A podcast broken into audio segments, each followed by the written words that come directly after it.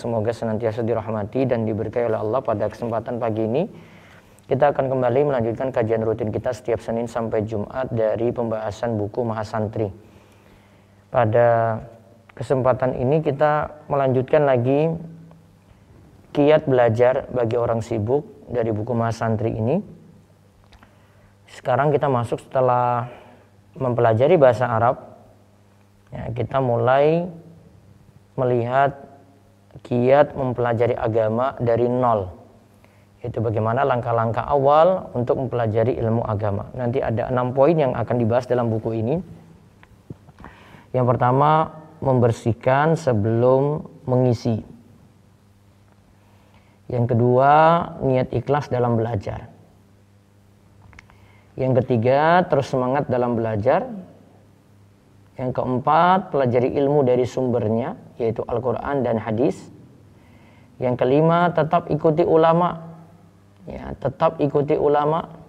Kemudian yang keenam, meraih ilmu lewat buku dan ulama. Meraih ilmu lewat buku dan ulama. Baru nanti akan dirinci buku-buku apa saja yang jadi rujukan atau direkomendasikan untuk kita pelajari ya sebagai bahan bacaan kita atau belajar dari guru secara langsung.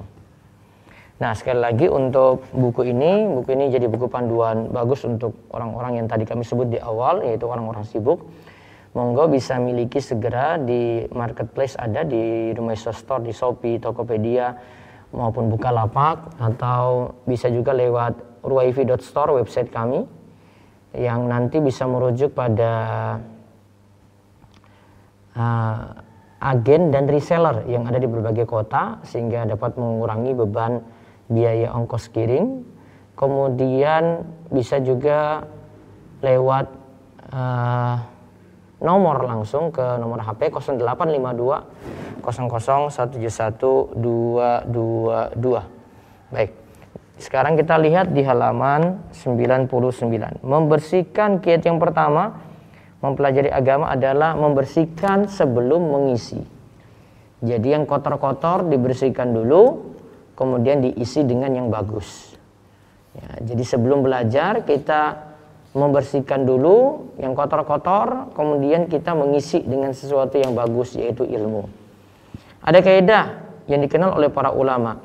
At-takhliyatu qabla tahliyah. At-takhliyatu qabla tahliyah.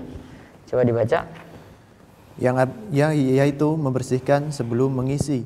Sebelum hati diisi oleh ilmu, berarti hati dibersihkan dahulu. Nah, sebelum hati, hati ini kan media yang menerima ilmu tadi. Sebelum hati itu diisi oleh ilmu, berarti hati dibersihkan lebih dahulu.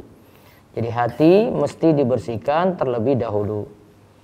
Nah, kaidah di atas diungkapkan Kaidah di atas diungkapkan oleh Ibnul Qayyim dalam faedah ke-10 dari kitab beliau yang sungguh berharga yaitu Al-Fawaid halaman 56. Beliau rahimahullah mengungkapkan kalau suatu tempat sudah bersih pasti akan sulit dimasuki oleh lawannya. Hal ini terjadi pada sesuatu yang nampak dan dirasakan secara indrawi. Begitu pula pada keyakinan dan iradah. Jika hati terisi dengan akidah dan kecintaan yang batil, maka tidaklah ada tempat untuk kebenaran di dalamnya. Sebagaimana lisan jika disibukkan dengan kata-kata yang tidak manfaat, maka tentu lisan tersebut sulit disibukkan dengan ucapan-ucapan yang bermanfaat. Yang ada yang ada lisan hanya disibukkan dengan ucapan kebatilan. Begitu pula anggota badan jika telah disibukkan dengan selain ketaatan, tidak mungkin lagi tersibukkan dengan ketaatan pasti hanya akan tersibukkan dengan lawannya. Nah, di sini disebutkan penerapan atau pemahaman kaidah tadi at-takhliyah qabla tahliyah. Membersihkan sebelum mengisi. Ya, membersihkan sebelum mengisi. Takhliyah itu membersihkan, tahliyah itu mengisi. Nah, kalau suatu tempat sudah bersih, ya, tempat itu sudah bersih, pasti akan sulit dimasuki oleh lawannya ya, sulit dimasuki oleh lawannya. Jadi lawannya itu sulit masuk. Ya. Kalau ada sunnah di situ, ajaran Nabi Shallallahu Alaihi Wasallam, maka ajaran bid'ah akan sulit masuk. Nah, hal ini terjadi pada sesuatu yang nampak dan dirasakan secara indrawi, begitu pula pada keyakinan dan iroda. Ya, kita lihat aja kalau ada gelas kotor, mau masukin air putih yang bersih, murni, ya, bebas dari kotoran, ya yang gelas kotor tadi dibersihkan dulu, baru layak air putih tadi masuk dalam gelas tersebut. Jika hati terisi dengan akidah, ya, akidah yang batil, maka tidaklah ada tempat untuk kebenaran dari dalamnya. Jadi mau masukin syirik di situ nggak bisa karena syirik harus dibersihkan dulu baru akidah yang benar itu masuk. Sebagaimana lisan jika disebutkan dengan kata-kata yang tidak manfaat, maka tentu lisan tersebut sulit disibukkan dengan ucapan-ucapan yang bermanfaat. Yang ada lisan hanya disibukkan dengan ucapan kebatilan saja. Jadi kalau mau berkata-kata yang baik gimana ya tinggalkan kata-kata yang buruk.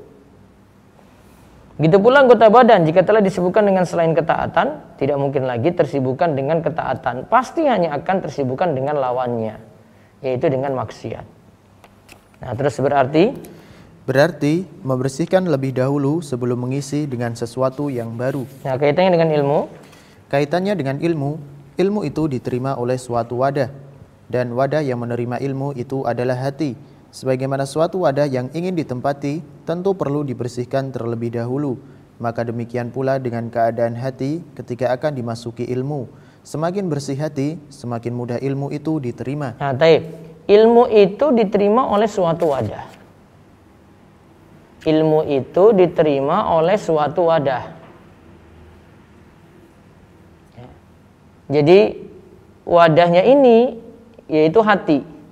Jadi ilmu nanti diterima oleh hati. Kalau hati dalam keadaan baik, maka ilmu itu cepat masuk.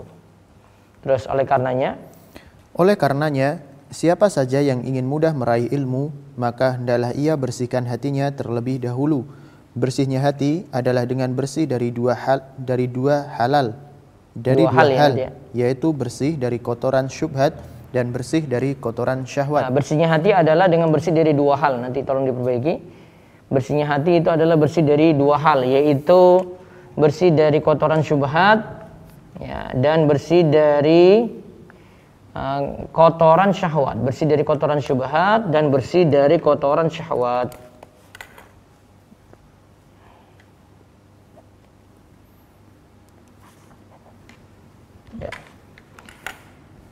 Nah, siapa yang ingin mudah meraih ilmu? Jadi cara mudah meraih ilmu gimana? Ya, kotoran-kotoran syubhat dihilangkan. Jangan terlalu banyak sering dengar syubhat-syubhat gitu, perkara-perkara yang yang masih belum diketahui benarnya.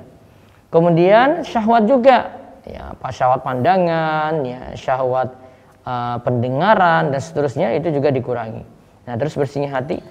Bersihnya hati adalah perkara yang amat penting Ketika Nabi Shallallahu Alaihi Wasallam diberi wahyu, beliau diperintahkan untuk melakukan hal ini terlebih dahulu. Nabi SAW itu sebelum diberi wahyu, beliau diperintahkan untuk melakukan hal ini terlebih dahulu. Beliau diperintahkan dalam surat Al-Mudassir ayat keempat ya, wasiya baka fatahhir. Wasiya baka fatahhir. Dan pakaianmu bersihkanlah. Terus ayat ini? Ayat ini ditafsirkan pula dengan bersihkanlah hatimu. Nah, maksudnya bersihkan pakaian dalam uh, pembahasan yang lainnya dikatakan ya bersihkan media yang menerima ilmu tadi yaitu bersihkan hati. Terus kita pasti kita pasti malu jika ada yang melihat pakaian kita yang dekil atau kotor. Seharusnya kita juga merasa malu jika Allah melihat hati kita yang kotor yang penuh dosa. Ya, dari Abu Hurairah radhiyallahu anhu Nabi SAW itu bersabda, "Inna Allah la yanzuru ila suwarikum." Wa amwalikum walaki yanzuru ila qulubikum wa a'malakum. Sesungguhnya wa a'malikum. Ya, terus sesungguhnya Sesungguhnya Allah tidak memperhatikan rupa dan harta kalian, akan tetapi Allah lihat adalah hati dan amal kalian. Ya, sesungguhnya Allah tidak memperhatikan rupa dan harta kalian, akan tetapi yang Allah lihat adalah hati dan amal kalian. Terus siapa yang menyucikan hatinya? Siapa yang menyucikan hatinya, maka ilmu akan mudah menghampirinya Siapa yang tidak menyucikan hatinya, maka ilmu akan pergi. Sehingga dari sini kita lihat sebagian yang meraih ilmu malah tidak memperhatikan hal ini. Hari-hari mereka malah lebih sering diisi dengan syahwat dan syubhat. Lihat saja mereka masih sering melihat gambar-gambar yang haram, kata-kata kotor, perbuatan mungkar, dan menikmati kemungkaran. Bagaimana orang-orang seperti ini bisa meraih ilmu? Ya, terus Sal bin Abdullah Sal bin Abdullah rahimallah berkata, cahaya ilmu sulit masuk pada hati yang masih terisi dengan sesuatu yang Allah benci. Nah, siapa yang menyucikan hatinya, maka ilmu akan mudah menghampirinya. Jadi makin hati bersih, makin jauh dari maksiat, ilmu makin mudah masuk. Siapa yang tidak menyucikan hatinya, maka ilmu akan pergi. Dan ilmu berarti tidak bisa masuk pula. Sehingga dari sini kita lihat sebagian yang meraih ilmu malah tidak memperhatikan hal ini. Hari-hari hanya terisi dengan syahwat dan syubhat. Dia tadi perkataan Syal bin Abdullah, cahaya ilmu sulit masuk pada hati yang masih terisi dengan sesuatu yang Allah benci. Nah, terus sekarang yang kedua, niat ikhlas dalam belajar.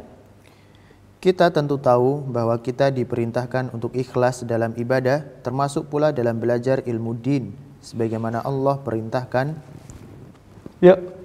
Di sini katakan kita tentu tahu bahwa kita diperintahkan untuk ikhlas dalam ibadah. Nah ini langkah kedua sekarang ya. Gimana setelah kita bersihkan terus mengisi. Nah baru kita yang kedua luruskan niat. Niat belajar itu apa? Nah kita diperintahkan untuk ikhlas dalam dalam ibadah termasuk dalam menuntut ilmu. Ya. Allah berfirman, "Wa ma umiru illa liya'budullaha mukhlishina lahuddin hunafa." Al-Bayyinah ayat 5. Padahal mereka tidak disuruh kecuali supaya menyembah Allah dengan memurnikan ketaatan kepadanya dalam menjalankan agama yang lurus. Ya. Begitu pula Nabi Shallallahu alaihi wasallam bersabda. Nabi Shallallahu alaihi wasallam bersabda, "Innamal a'malu binniyati wa innamal likulli imri'in ma nawa." Sesungguhnya setiap amalan tergantung pada niat dan setiap orang akan mendapatkan apa yang ia niatkan. Ya, hadis riwayat Bukhari dan Muslim dari Umar bin Khattab. Amal itu hanya tergantung pada niat. Dan setiap orang itu hanya mendapatkan apa yang ia niatkan. Kalau dia niat baik, maka kalau amalannya itu benar dengan niatnya tadi diterima. Namun jika dia itu uh, niat buruk dan amalannya itu apalagi buruk ya, maka uh, dia mendapatkan apa yang ia niatkan. Terus karena ikhlaslah Karena ikhlaslah suatu kaum menjadi mulia. Sebagaimana Abu Bakar Al-Maruzi pernah mendengar seseorang berkata pada Abu Abdullah yaitu Imam Ahmad bin Hambal mengenai jujur dan ikhlas. Imam Ahmad pun berkata, Nah, mengenai jujur dan ikhlas ini Imam Ahmad itu berkata bihada irtafa'al qaumu. Bihada irtafa'al qaumu. dengan ikhlas semakin mulialah suatu kaum. Dengan ikhlas semakin mulialah suatu kaum. Ini di dalam kitab Ta'zimul Ilmi. Guru kami yaitu Syekh Shalal Saimi berkata, "Wa inna ma yanalul mar'u al-ilma ala qadri ikhlasihi." Seseorang bisa meraih ilmu sesuai dengan kadar ikhlasnya. Ya, seorang bisa meraih ilmu sesuai dengan kadar ikhlasnya. Makin ikhlas, ya niatnya makin benar, maka makin mudah meraih ilmu. Terus Artinya, semakin seseorang ikhlas dalam belajar, maka semakin mudah meraih ilmu. Jika semakin mudah, maka ia pun akan terus semangat dalam belajar. Ya, semakin seorang itu ikhlas dalam belajar, maka semakin mudah meraih ilmu. Ya. Jika semakin mudah, maka ia pun akan terus semangat dalam belajar. Terus yang dimaksud ikhlas dalam belajar, sebagaimana kata Syekh Soleh Al Utsaimin, ada empat di sini ya. Ada empat ketentuan orang itu disebut ikhlas dalam belajar. Perkataan yang hampir sama juga disebutkan oleh ulama di masa silam yaitu Imam Zarnuji Al-Hanafi juga menyebutkan ikhlas dalam belajar atau niat dalam belajar yang benar itu seperti apa. Coba kita lihat pertama. Belajar agama untuk menghilangkan kebodohan pada diri sendiri. Nah, menghilangkan kebodohan pada diri sendiri. Kita awalikan tadi dengan niat karena Allah, terus tujuannya adalah untuk menghilangkan kebodohan pada diri sendiri. Yang kedua, Belajar agama untuk menghilangkan kebodohan pada orang lain. Nah, terutama kebodohan pada orang lain ini kita hilangkan ya pada orang-orang dekat kita dahulu. Suami pada istrinya, istri uh, suami pada anak-anaknya, uh, kemudian pada kerabatnya, pada sedulur-sedulurnya, keluarga besarnya gitu. Diajarkan dulu sesuai dengan tingkatan kebutuhan mereka. Ya, mereka itu butuh apa gitu. Terus Syekh Shalih Al-Utsaimin hafizahullah lalu berkata fal ilmu syajaratun wal amalu samaratun wa inna ma yuradul ilmu bil amali Ilmu itu ibarat pohon, amal itu buahnya. Ilmu itu dicari untuk diamalkan. Ya, ilmu itu ibarat pohon. Ilmu itu ibarat pohon. Amal itu buahnya. Jadi pohon ini kan punya buah, maka buah dari ilmu itu adalah amal. Ilmu itu dicari untuk diamalkan. Ya, ilmu itu dicari untuk diamalkan. Jadi bukan hanya nambah wawasan saja gitu. Namun ilmu itu diamalkan. Terus memperbaiki niat. Memperbaiki niat inilah yang membuat kita bisa terus semangat dalam belajar. Namun ya. memperbaikinya tentu sulit dan butuh perjuangan. Nah, yang jelas niat yang lurus itu penting, tapi memang butuh perjuangan untuk meluruskan niat ini. Sufyan Ats-Tsauri rahimahullah pernah berkata, "Ma'alajtu syai'an ashadda alayya min niyati li'annaha tataqallabu alayya Tidaklah yang paling sulit untuk kuobati selain daripada niatku karena niatku selalu berbolak-balik. Ya, niat itu selalu berbolak-balik. Terus Sulaiman bin Daud Al-Hashimi berkata, "Rubbama uhaddisu bi hadisin wali niyatun, fa idza ataitu ala ba'dihi taghayyarat niyati, fa idza al-hadisul wahidu yahtaju ila niyatin." Terkadang ketika aku menyampaikan satu hadis, aku butuh pada niat. Lalu jika beralih pada hadis yang lain, maka berubah pula niatku. Sehingga satu hadis itu butuh pada beberapa niat. Nah, lihat di sini. Satu hadis, ya, ketika dia baca, dia butuh pada niat. Niatnya harus dia luruskan. Terus ketika beralih pada hadis yang lain, butuh niat lagi. Bahkan untuk satu hadis, kadang butuh beberapa niat ada nanti niatnya nggak ikhlas, nanti niatnya kembali lurus lagi, niatnya kembali nggak ikhlas, niatnya kembali lurus lagi. Ini disebut dalam Jami'ul Ulum wal Hikam. Terus bisa jadi bisa jadi seseorang dalam belajar pada awalnya ingin mengharap ridho selain Allah, namun ilmu nantinya yang mengantarkan dia pada ridho Allah. Ya, Ad-Darqutni berkata, ini ya, jadi awalnya orang itu mungkin belajar niatnya belum benar, tapi karena dia tahu ilmu, dia tahu belajar itu harus dengan niat yang ikhlas, kemudian niatnya dia perbaiki. Ada rukut dia berkata, "Talabna ilma li ghairillah fa aba ayyakuna illa lillah." Kami dahulu menuntut ilmu karena ingin menggapai ridha selain Allah. Namun ilmu itu enggan, ia hanya ingin niatan tersebut untuk Allah. Ya, kami dahulu menuntut ilmu karena ingin menggapai ridho selain Allah. Ya, kita ingin menggapai ridho selain Allah. Artinya niatannya awalnya tidak ikhlas. Mungkin karena ikut teman, mungkin karena ingin hijrah saja, mungkin karena ikut tren, uh, mungkin juga agar disebut gaul, agar agar disebut disebut soleh. Ya. Niatannya nggak benar. Namun ilmu itu enggan, ia hanya ingin niatan kita itu hanya untuk Allah saja. Terus Syekh Muhammad bin Shalih Al Utsaimin rahimahullah menjelaskan bahwa ikhlas adalah adalah ada pertama yang harus dimiliki oleh penuntut ilmu. Beliau berkata, kami menyebutkan ikhlas sebagai adab menuntut ilmu yang pertama kali harus dimiliki karena ikhlas adalah hal yang pokok.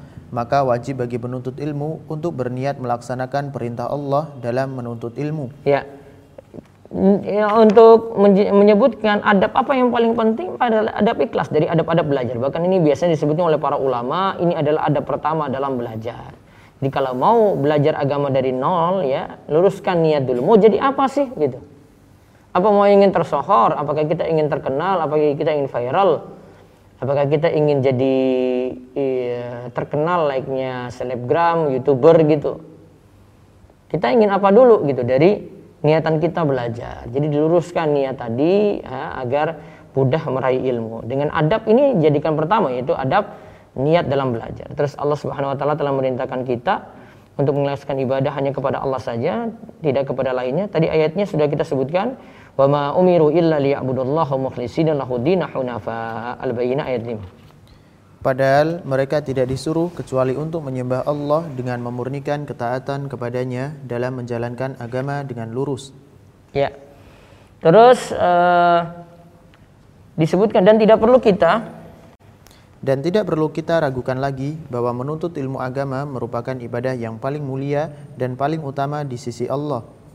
Ya, dan tidak perlu lagi kita ragukan bahwa menuntut ilmu itu ibadah yang paling mulia dan paling utama di sisi Allah. Kalau tahu demikian, maka dibutuhkan niat yang lurus. Terus Rasulullah SAW juga telah mengabarkan.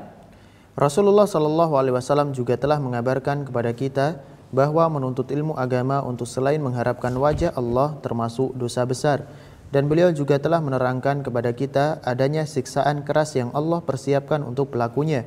Dari Abu Hurairah radhiyallahu anhu Rasulullah shallallahu alaihi wasallam bersabda, Nah, kita lihat di sini ya menuntut ilmu agama itu hati-hati kalau niatannya bukan karena Allah, bisa jatuh dalam dosa besar. Akan terjatuh dalam dosa besar. Hadisnya coba kita perhatikan berikut ini. Hadis pertama ini dari Abu Hurairah radhiyallahu anhu, ia berkata Rasulullah sabda ta'allama ilman mimma yubtagha bihi wajhullah azza wa jalla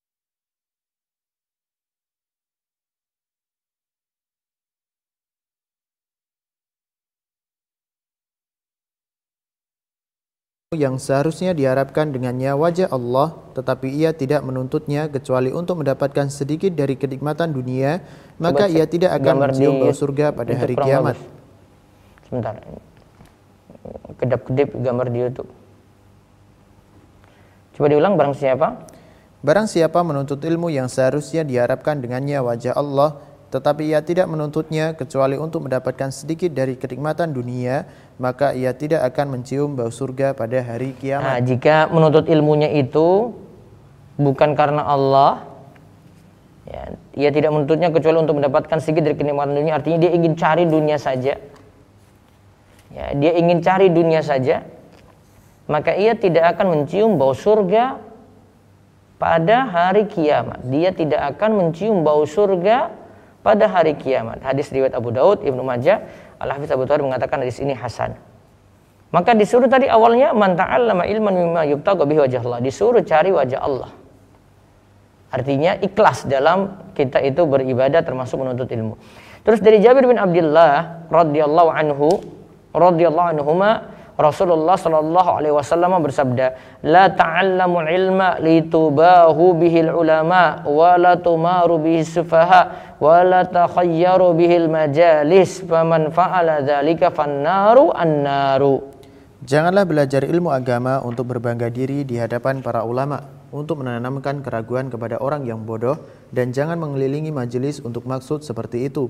Karena barang siapa yang melakukan demikian, maka neraka lebih pantas baginya. Neraka lebih pantas baginya. Ya. Janganlah belajar ilmu agama untuk berbangga diri. Nah, saya sudah hafal ini, saya sudah hafal itu, saya sudah dapat uh, ijazah ini, riwayat ini, riwayat itu. Bisa jadi mungkin dia jadi penghafal Al-Quran, tapi yang dia banggakan ya adalah dengan ilmu-ilmu yang tadi dia peroleh, ingin menyombongkan pada orang lain. Ingat, membanggakan diri seperti ini tidak boleh. Dia membanggakan diri di hadapan ulama untuk menanamkan keraguan kepada orang yang bodoh, membuat orang bodoh jadi rancu, terus mengelih majelis untuk maksud seperti itu. Ingat, neraka lebih pantas baginya, neraka lebih pantas baginya. Walaupun di sini dikritik eh, sebagian ulama katakan dhaif, sebagian mengatakan sahih. Terus oleh karena itu, Oleh karena itu, hendaknya kita memperhatikan baik-baik hal-hal baik-baik hal ini. Janganlah kehadiran kita di majelis ilmu karena kita malu dengan teman-teman kita kalau tidak datang kajian atau karena mengikuti tren semata bahwa sekarang ini memang sedang marak-maraknya ikut pengajian sehingga kita mendatangi kajian ilmu ke sana kemari karena mengikuti teman-teman kita tanpa ada banyak faedah ilmu yang bisa kita ambil. Daib.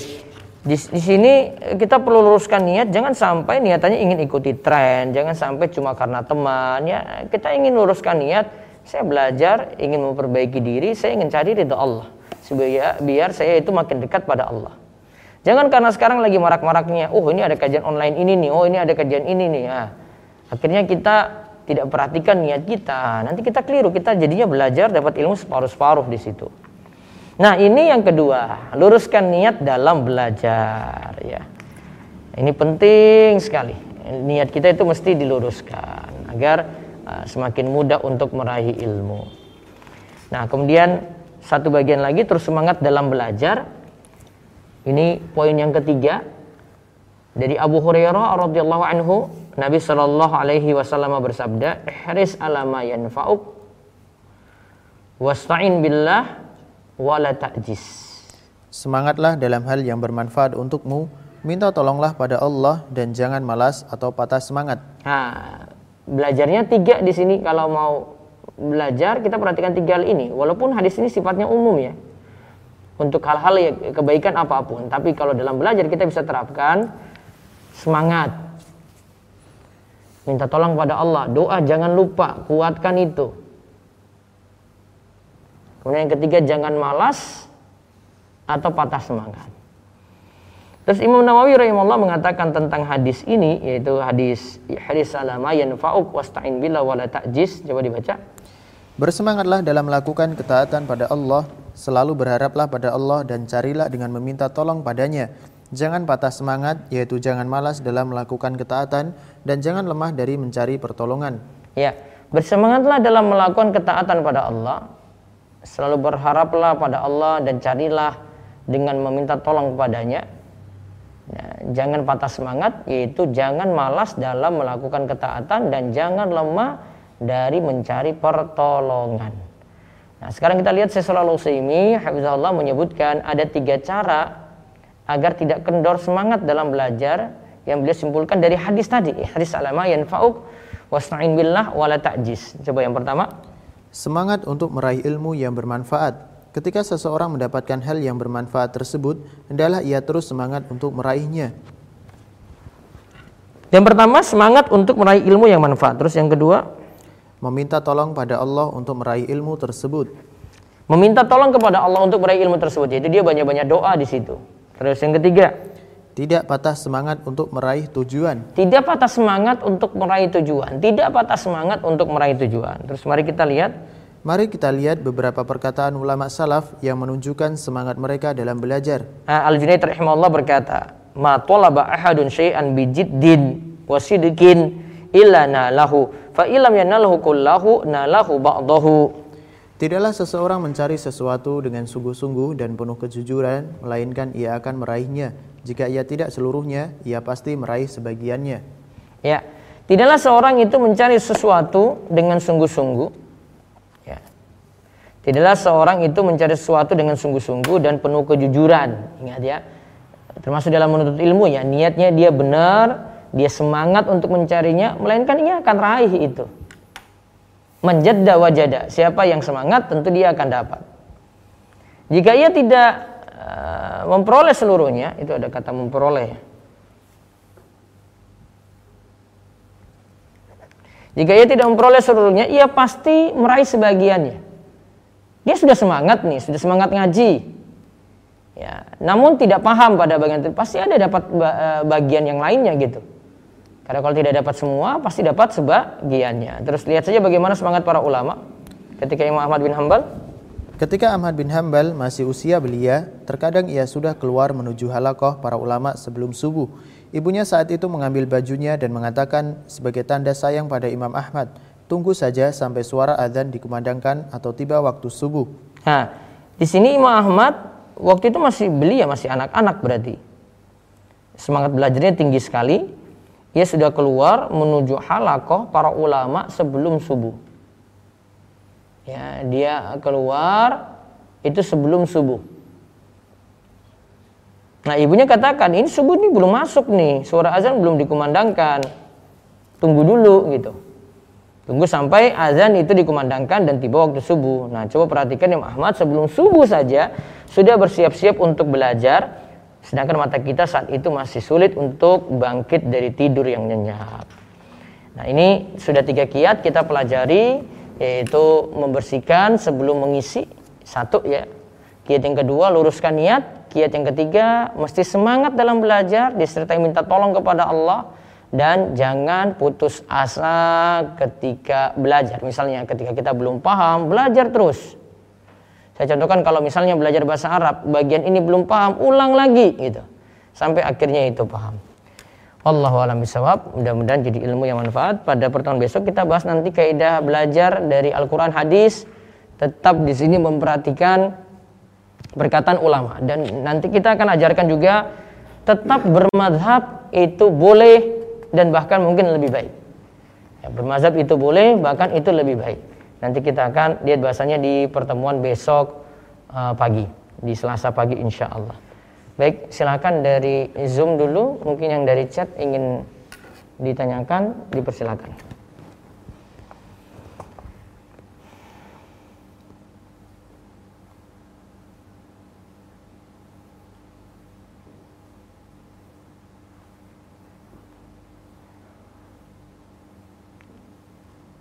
Silakan dari chat Zoom, kalau enggak saya baca dulu di YouTube. Apa Ustadz belum ada yang via chat Ah, Ustadz? berarti yang resen silakan. Silakan eh, Bapak Reno Jombang. Assalamualaikum Ustaz. Waalaikumsalam warahmatullahi wabarakatuh. Silakan. Kan eh, sebelum menuntut ilmu kan harus memperhatikan kesucian hati kan Ustaz ya. J. Itu parameter dan indikator kesucian hati itu apa Ustaz? Yang penting dia mau menerima dulu. Dia kurangi maksiat kalau lagi mau ngaji gitu. Jangan kalau mau uh, perbaiki diri, mau nimba ilmu, maksiat jalan terus jangan. Berarti berarti kalau dalam eh, istighfar aja nggak cukup Ustaz? Kalau maksiat itu harus ditinggalkan, Pak. Nggak cukup istighfar, istighfar belum tobat berarti. Nah kalau eh, seperti kerja di lembaga konvensional, apa harus meninggalkan dulu untuk Kalau dia meninggalkan lebih sempurna nanti. Dia belajarnya. Kalau dia tetap seperti itu biasanya belajar sambil gelisah. Nggak tenang dia. Nah, untuk mengurangi, mengurangi kegelisahan, ketidaktenangan tadi ya tinggalkan yang haram dulu gitu.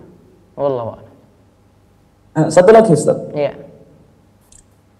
Ya atau tabiin Wais al Qarni itu ahli ilmu atau ahli ibadah? Dia wallahu a'lam dari sisi ininya ya, tapi dikenal ya dia ahli ibadah, akhlaknya bagus gitu. Berarti soal ilmu dia nggak terlalu Belum belum tentu, saya belum belum pelajari itu. Oh, ya. Ya. ya terima kasih Ustaz. Jazakumullah khair. Kom. Berikutnya lagi silakan. Silakan Ibu Uci. Ibu Uci silakan dibuka mic-nya. Assalamualaikum Pak Ustadz. Ya, Waalaikumsalam warahmatullahi wabarakatuh. Silakan. Maaf boleh izin bertanya di luar tema. Iya. Begini Pak Ustadz, eh, saya kan punya alat musik. Apakah saya boleh, anak saya punya, apakah boleh dijual ke non muslim dan uangnya dipakai untuk eh, fakir miskin atau bagaimana Pak Ustadz? Atau dihancurkan menurut Pak Ustadz bagaimana? Bagaimana gimana? Diulang coba. Bu. Mengenai alat musik Pak Ustadz, Ah, alat musik terus. apakah saya eh, boleh jual ke Hmm. eh, selain orang muslim gitu loh Pak Ustadz? Hukum menjual bagaimana, Bu? Ya, saya jual kan kebetulan kan ada kita grup di kuliah terus jadi saya mau jual ke orang muslim gitu Pak Ustadz Nan- nanti hasilnya dipakai eh, untuk fakir miskin atau untuk yang lain Eh, bukan Soalnya untuk- masalahnya alatnya ini bawa mudorot, Bu.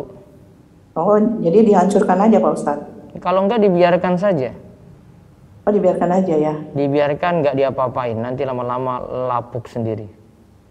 oh iya iya Eh, izin bertanya Pak Ustadz Iya. Eh, kedua mengenai doa dalam sujud apakah masalah dunia boleh kita dalam sujud itu kita eh, berdoa Eh, baiknya kalau dalam sholat itu dengan bahasa Arab, Bu. Kalau ya? mulut kita komat kamit ya. Tapi kalau ibu mau berdoa dalam hati saja ya sah sholat tersebut. Tapi kalau memang ingin diucapkan, kalau dalam sholat tetap dengan bahasa Arab. Bu. Saya lebih memilih pendapat ini. Oh gitu. Tapi kalau komat kami tapi nggak di- nggak bersuara boleh nggak Ustaz? Komat kamit sudah dianggap pembaca bu, jadi baiknya tidak dengan bahasa Indonesia. Oh gitu Ustaz. Iya iya. Barakallahu fiik Pak Ustaz. Ya kom. Ya berikutnya lagi silakan. Silakan Abu Musa. Bismillah, Assalamualaikum Ustadz. Ya waalaikumsalam warahmatullahi wabarakatuh. Eh, izin bertanya Ustadz, eh, bagaimana untuk pekerja khususnya Ustadz untuk belajar secara taksil Ustadz? Apakah efektif dengan mengandalkan satu ahad dan mungkin eh, minta solusinya seperti apa sih Ustadz Un- eh, untuk belajar taksil untuk pekerja Ustadz khususnya Ustadz? Ini pagi Tapi kan, ini hari Senin mendalam. ini ya. Ini hari Senin ya. Iya kan? Pak Abu Musa apa? Di sini ada kerjaan lagi? Eh, Naam Ustadz sehari-hari kan Senin sampai Jumat kita bekerja Ustadz. Cuman eh, Ana di lingkungan ini dan beberapa ikhwan ada rencana untuk belajar taksil Ustadz. Cuman untuk metode dan waktunya agar efektif untuk menyerap ilmu itu apakah bisa dengan memanfaatkan Sabtu Ahad atau bagaimana Ustadz? Karena masih khawatir juga untuk uh, metode jika uh, sepekan sekali apakah itu efektif untuk program belajar taksil Ustadz gitu Ustadz? Belajar taksil di sini maksudnya dengan ustadz langsung gitu ya. Nah Ustadz, apakah dengan Ustadz lang- tetap dengan Ustadz langsung entahkah uh, online atau offline Ustadz? Ya kalau yang bagus ya offline. Gitu. Nah, apakah Sabtu Ahad memanfaatkan Sabtu Ahad aja sudah cukup Ustadz untuk uh, Iya. taksil Ustadz? Kalau serius itu sudah cukup sebenarnya. Namun sayangnya kalau uh, Sabtu Ahad pun dia nggak serius-serius, data kadang datang, kadang tidak, ya nggak jadi-jadi juga gitu. Sayangnya kita di situ sudah ada waktu, waktu tidak dimanfaatin. Nah, mendingan Sabtu Ahad dia sepedaan, ada yang lari. Padahal dia masih bisa belajar dulu nanti jam-jam 7 atau setengah 7 baru dia olahraga gitu. Namun kadang kita lebih pentingkan nafsu kita untuk olahraga gitu. Makanya saya kan ada video saya kritik olahraga itu. Olahraganya bisa 6 jam dia pergi. Sepedaan itu 150 kilo. Ngaji, ngajinya padahal paling peluang Sabtu Ahad itu. Tapi Ahad Sabtu Ahad pun untuk itu coba. Belajarnya kapan kalau begitu, Pak? Ya, kalau mau ya seriusin gitu. Ustadznya ya eh, kalau bisa di eh, di istiqomahin gitu ya. Bisa misalnya satu ustadz gitu ya. Tapi ya konsekuennya ya peserta harus datang semua. Jangan ustadznya yang istiqomah, peserta cuma awal-awal saja gitu nggak istiqomah, nggak bisa kayak gitu tuh nggak akan jalan. Ini cuma realita aja yang saya sebutkan tadi ya. Biasanya kayak gitu awal-awal, uh semangat-semangat gitu. Ya harus konsekuen. Masalah pilihan olahraga itu bisa kapan pun, mau ke dengan keluarga nanti juga bisa. Di selain waktu belajar Sabtu Ahad misalnya kalau belajarnya pagi ya dengan keluarga Ahad gitu. Atau siang gitu atau sore gitu. Kadang kita semua waktu tuh sibuk terus. Nggak ada waktu untuk belajar sama sekali. Jadi kalau untuk main bal-balan bisa dua jam. Main sepeda bisa enam jam. Main game bisa dua jam gitu duduk untuk perhatikan buku saja nggak bisa. Suruh belajar bahasa Arab satu jam nggak mau gitu. Kita sendiri sebenarnya yang malas gitu. Gitu ya? Eh, mungkin Ustadz dengan skema seperti tadi, asalnya apakah kita fokus di Sabtu Ahad itu di awal itu dengan satu Ustadz dengan satu cabang ilmu misalnya akidah sampai menyelesaikan kitab itu atau seperti apa Ustadz? itu lebih bagus. Satu guru terus selesaikan gitu. Itu lebih membekas dibandingkan uh, multitasking gitu. Apa pun diambil uh, belajar ini belajar itu. Akhirnya yang ini nggak selesai ini nggak selesai ini nggak selesai semuanya. Makanya kayak gini ini ini kan saya pelajari suruh baca dari awal sampai akhir kan. Saya nggak seling yang lainnya kalau kajian pagi gitu Nah, Ustadz. Nah, kalau selingi yang lainnya agak ini, kalau selingi yang lainnya jam lain gitu. Biar nggak kecampur, bahas tuntas gitu. Kalau online mungkin cocoknya seperti itu. Termasuk juga kalau offline gitu ya. Contohnya seperti itu. Belajar dari awal sampai akhir gitu. Kecuali kalau eh, harinya berbeda. Sabtu pelajaran akidah, eh, Ahad pelajaran fikih gitu ya. Nggak apa-apa. Tapi kalau gurunya satu, mendingan satu kitab selesai lebih enak gitu. Eh, ilmunya dapat. Nah, Ustadz, barakallahu fiik Ustadz. Waalaikumsalam fiik. Baik, bisa berikutnya lagi masih resen. Silakan akun bernama Kelana. Assalamualaikum warahmatullahi wabarakatuh. Waalaikumsalam warahmatullahi wabarakatuh. Semoga Allah senantiasa menjaga Ustadz dan keluarga beserta tim Rumah Show. Iya. Waalaikumsalam. Izin bertanya Ustadz, tadi eh, saya sudah coba baca di website Rumah Show, cuman masih belum paham terkait mewalah dalam wudhu Ustadz. Nah, itu kan eh, bahwa artinya kita harus berkesinambungan sebelum eh, anggota wudhu sebelumnya itu mengering gitu ya Ustadz. Nah, saya itu suka ada kayak rambut yang rontok gitu, Ustadz. Misal saya udah basuh muka, suka ada rambut yang rontok kayak satu gitu di tangan. Nah, kalau misal saya membuang dulu rambutnya, itu berarti Gak masalah ya Ustadz? Saat wudhu kan bu, Iya. terus rambutnya rontok. Heeh, jadi pas misalnya membasuh muka atau misalnya saya membasuh kepala gitu suka ada rambut yang keikut, suka nempel di Tangan. atau di kaki yang gue tahu wudhu gitu. Ya, Terus, terus, saya buang dulu. Gitu masih saya masih kayak masih sah, nggak? masih sah, masih sah itu. Oh. Terus kadang juga kalau misalnya kayak sehelai rambut itu nggak saya buang karena saya mengira kan rambut kalau kita gosok kan ke sana ke sini jadi tetap basah itu nggak apa-apa ya Ustaz? Selama tidak menghalangi anggota yang lainnya untuk kena air, boleh. Iya karena kan saya mikirnya kayak satu gitu kan saya tarik ke bawah dia ikut ke bawah ke atas ikut ke atas gitu. Iya, nggak apa-apa. Nah terus kayak misal kayak ditinggal saya tuh kadang kalau di kantor hari Jumat itu kan orang pada Jumatan cuman masih suka was-was kalau ada yang buka pintu gitu tempat wudhunya kan ada yang terbuka Hmm, saya hmm, pakai di hmm. situ kayak kalau ada kayak bunyi pintu gitu kayak saya tinggal noleh dulu gitu ternyata nggak ada orang saya tetap lanjut aja gitu berarti ya Iya, nggak perlu diulang dari awal ya Ustadz tidak perlu. Diulang dari awal itu baru ketika eh, ada jeda lama antar satu anggota ke anggota lainnya. Kalau tidak ada jeda lama, boleh lanjut saja, Bu. Hmm. lamanya itu sampai kering ya itu ya, Ah, Ustadz? iya, sampai kering gitu. definisinya Iya, ya iya betul, Bu. Iya. Terus tadi saya sempat dengar ada yang bertanya kata Ustadz eh, bahwa komat kamit itu sudah termasuk membaca. Nah itu maksudnya yang tidak sampai keluar suara banget gitu ya Ustadz? Tapi Iya, mulutnya kamit. komat kami. Jadi saya baca Bismillahirrahmanirrahim, Alhamdulillahirobbilalamin. Ini saya tidak keluar suara ini. Tapi saya baca sebenarnya, tidak keluar kayak Bismillah gitu, enggak.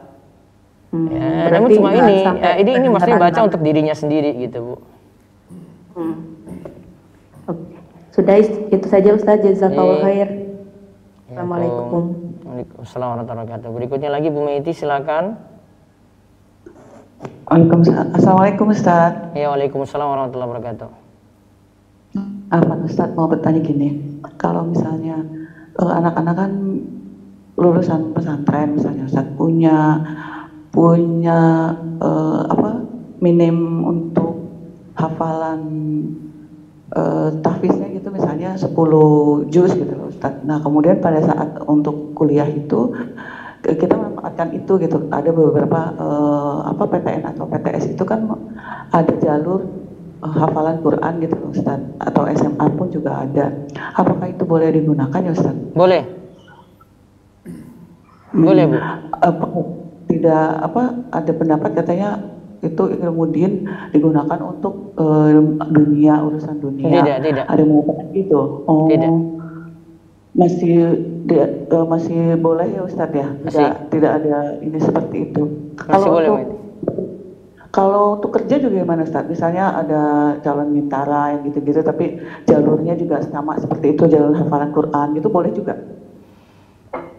Eh, selama bukan maksud dunia pokok. Jadi ya mungkin orang punya punya kebaikan di situ dia bisa sebut saja tapi bukan maksudnya untuk pamer, Bu. Tapi karena tuntutan saja gitu. Oh, ada ya kita sebut saja gitu. Oh gitu. Tapi termasuknya masih boleh Ustadz tidak Iya. memanfaatkan yang tadi yang dibilang itu ya? Bukan. Oh, tidak. Sekolah Ustadz, jazakillah khair. Ya, Kum. Berikutnya lagi Umu Alisa. Assalamualaikum Ustadz. Ya, Waalaikumsalam warahmatullahi wabarakatuh. Izin bertanya agak di luar tema Ustadz. Iya. Ini saya ikut komunitas gimana kayak misalnya bisnis gitu loh Ustadz. Cuman insya Allah di situ banyak ustazah dan bagus ada kajian juga yang membimbing kita ke bisnis yang tentang menjual buku-buku untuk anak-anak gitu Ustadz. Tapi di situ juga ada program untuk wakaf buku-buku itu ke tempat-tempat yang ini gitu, yang membutuhkan gitu. Nah, yang saya agak ini nih agak mengganggu itu kan waktu kita program wakaf itu ada sebagian kecil keuntungan yang bisa kita peroleh Ustadz. Jadi misalnya nol setengah persennya itu nanti masuk ke rekening kita gitu dari program wakaf itu. Nah itu tuh apakah boleh gitu Ustadz? Uh, itu hukumnya gimana Ustadz? Apa boleh kita manfaatkan itu uang yang misalnya setengah persennya itu gitu? Itu wakafnya bentuknya gimana? Kenapa bisa sampai ke kita gitu, Bu? Karena kita kan reseller di situ Ustadz, jadi jual buku juga. Nah nanti kita mengumpulkan dana untuk wakaf misalnya satu slotnya tuh 10.000 ribu gitu kan. ada wakaf lewat kita. Nanti kita yang belikan buku itu atas nama kita. Jadi kita kan dapat fee-nya gitu loh Ustadz istilahnya seperti Fee-nya diambil dari wakaf tersebut berarti Bu. Iya, iya Ustadz. Nggak boleh. Nggak boleh ya Ustadz. Ya, misalnya gini, contoh simpelnya ya. Ada Iya. eh, Ummu Alisa nyumbang ke DS eh, untuk masjid 100 ribu. DS nggak boleh ngambil itu. Karena untuk masjid kan, berarti murni se- eh, 100 ribu tadi untuk masjid. Untungnya iya, maksudnya kita kan belikan sebagai reseller Ustadz jual buku itu gitu. Nggak bisa, nggak bisa Nggak dapat. bisa ya. Hmm, Iya. Terima kasih banyak. Jazakallah khairan kasih. Iya. Assalamualaikum warahmatullahi wabarakatuh. Berikutnya Ummu Zahra silakan. Assalamualaikum Ustaz. Waalaikumsalam warahmatullahi wabarakatuh. Ya, Alhamdulillah tema Ustaz. Kalau kita sholat, eh, itu kan mukena di bawah dagu itu kan ketutup. Kalau misalnya sedagu-dagunya ditutup, jadi mukenanya ada di bawah bibir persis itu, sholatnya tetap sah nggak ya Ustaz? Di bawah dagu sini. Iya, iya harusnya kan di situ Ustaz. Tapi kalau misalnya mukenanya ketutup di bawah, jadi ada di bawah bibir, dagu ketutup semua itu gimana Ustaz? Sah juga, secara hukum sah. Tapi baiknya di sini aja. Ya. Baik Ustadz, satu lagi Ustadz, Eh, misalnya baik tidur tengkurap itu kan dilarang ya Ustadz Iya, ya? iya. Kalau nggak salah. Kalau bayi itu tidur tengkurap harus dipindah, dibalikin atau enggak ya Ustadz? Kadang untuk bayi dia butuh itu jadi dibiarkan saja gitu. Oh nggak apa-apa ya Ustadz ya? Khusus bayi berarti ya Ustadz ya? Iya karena belum dibebani hukum dia bu.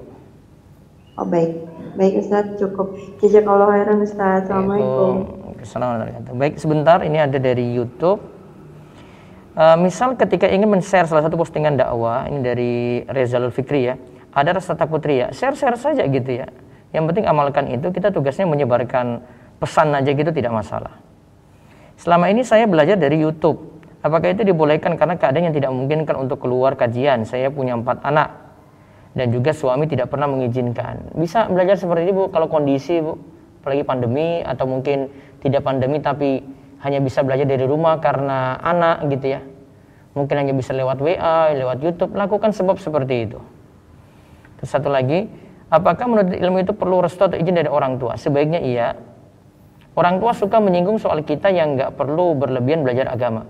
Nah, ini sikap kita saja ini tunjukkan akhlak yang bagus ke orang tua ya, supaya orang tua mengerti manfaatnya belajar agama punya perbaikan dalam akhlak seperti ini seperti itu. Bagaimana cara menyikapi orang yang mengatakan kalau berdakwah itu materinya harus dari guru, bukan dari ceramah-ceramah dari YouTube dan Google. Eh, Sementara pendakwah juga sedang mencari guru gitu. Bisa saja sumber ilmunya dari Google, dari YouTube bisa. Yang penting kan YouTube dan Google yang benar gitu. Dia bisa seleksi. Ya, pernyataan melarang belajar dari internet juga nggak benar semua gitu. Karena secara praktek ilmu dunia pun sekarang bisa dapat dari internet. Kenapa kalau ilmu agama nggak bisa gitu? Memang belajar langsung lebih baik, iya. Tapi karena ada keadaan gitu loh. Karena ada keadaan, ada orang yang mesti eh, punya aktivitas yang lain, dia cuma bisa sumbernya dari internet. Ya mungkin dapat kitab-kitab dari internet, nggak dapat kitab langsung. Mungkin belajarnya nggak bisa guru langsung, tapi ada live, ada seorang guru. Ya dia walaupun ustadz juga dia belajar dari guru yang lainnya bisa. Sehingga pernyataan belajar dari internet masalah nggak benar juga gitu. Karena dia bisa melakukan adab-adab belajar dengan guru itu lewat internet pula. Ya, wallahu alam, uh, saya mohon maaf uh, sampai di sini dulu. Nanti besok pagi kita akan bahas lagi karena setelah ini ada pelajaran Durusul Logo di Telegram de- bahasa Arab. Semoga kita terus istiqomah, semangat terus untuk belajar agama dan Allah jaga kita semua dalam kebaikan. Subhanakallahumma bihamdika asyhadu an la ilaha illa anta astaghfiruka wa atubu. Assalamualaikum warahmatullahi wabarakatuh.